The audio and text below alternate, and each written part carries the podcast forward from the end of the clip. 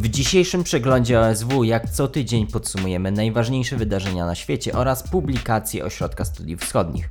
W tym odcinku opowiemy o rozbiciu rosyjskiej siatki szpiegowskiej w Bułgarii, sankcjach UE wobec Chin, wyborach w Izraelu, kolejnych sankcjach antyrosyjskich na Ukrainie, aresztowaniu Angeliki Borys. Ministrowie spraw zagranicznych państw członkowskich Unii Europejskiej zdecydowali się nałożyć sankcje na Chiny w związku z masowym prześladowaniem Ujgurów. Sankcje objęły jedną chińską firmę i czterech członków aparatu represji.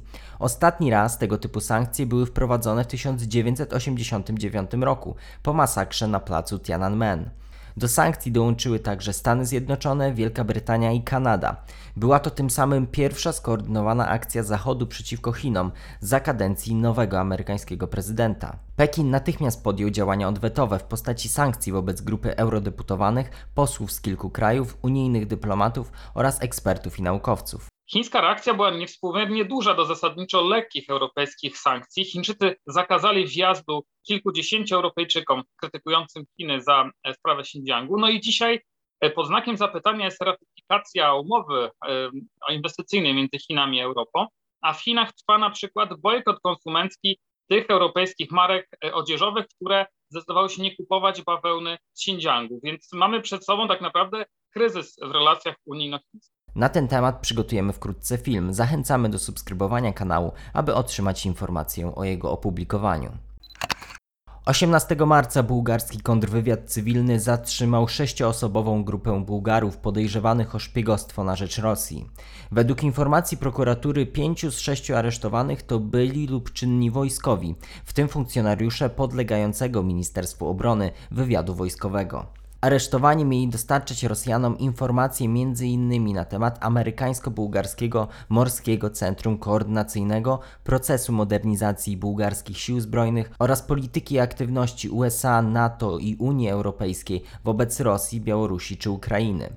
Jak pisze Mateusz Seroka, rozbicie grupy szpiegującej jest też najprawdopodobniej konsekwencją presji ze strony USA, które chcą ograniczyć możliwość prowadzenia przez Rosję operacji wywiadowczych w Bułgarii. Jest to ważne na przykład w kontekście rozpoczętych ćwiczeń organizowanych przez NATO i USA, których większa część odbędzie się w Europie Południowo-Wschodniej, w tym na terytorium Bułgarii. Więcej w analizie dostępnej na osw.waw.pl. Link pozostawiamy w opisie. Na Ukrainie zostały wprowadzone kolejne sankcje antyrosyjskie. 19 marca Rada Bezpieczeństwa Narodowego i Obrony podjęła decyzję o nałożeniu sankcji na 27 osób będących politykami i wyższymi urzędnikami w czasie prezydentury Wiktora Janukowycza. Dotyczy to m.in. byłego prezydenta oraz byłego premiera Azarowa. W ciągu ostatnich tygodni Rada Bezpieczeństwa Narodowego i Obrony podjęła kilka decyzji o wprowadzeniu restrykcji przeciwko przedstawicielom środowisk prorosyjskich i należącym do nich mediom, a także wobec byłych pracowników organów ścigania i wojskowych, którzy w 2014 roku przeszli na stronę Rosji bądź separatystów w Donbasie. Jak pisze Sławomir Matuszak, nałożenie sankcji potwierdza antyrosyjski zwrot Zełańskiego, którego celem jest osłabienie partii prorosyjskich i umocnienie swojej pozycji wśród elektoratu prozachodniego. Badania opinii publicznej świadczą o tym, że taka polityka jest skuteczna. Więcej informacji o sprawie w analizie, do której link zostawiamy na dole. Czwarte w ciągu dwóch lat wybory parlamentarne w Izraelu. 23 marca w przedterminowych wyborach parlamentarnych w Izraelu zwyciężyła partia Likud. Ugrupowanie premiera Benjamina Netanyahu uzyskało około 30 mandatów. Jak podkreśla dr Karolina Zielińska, do Knesetu, który liczy 120 miejsc, wchodzi aż 13 partii. Parlament jest dość rozdrobniony, przez co kwestie utworzenia koalicji będą bardzo skomplikowane.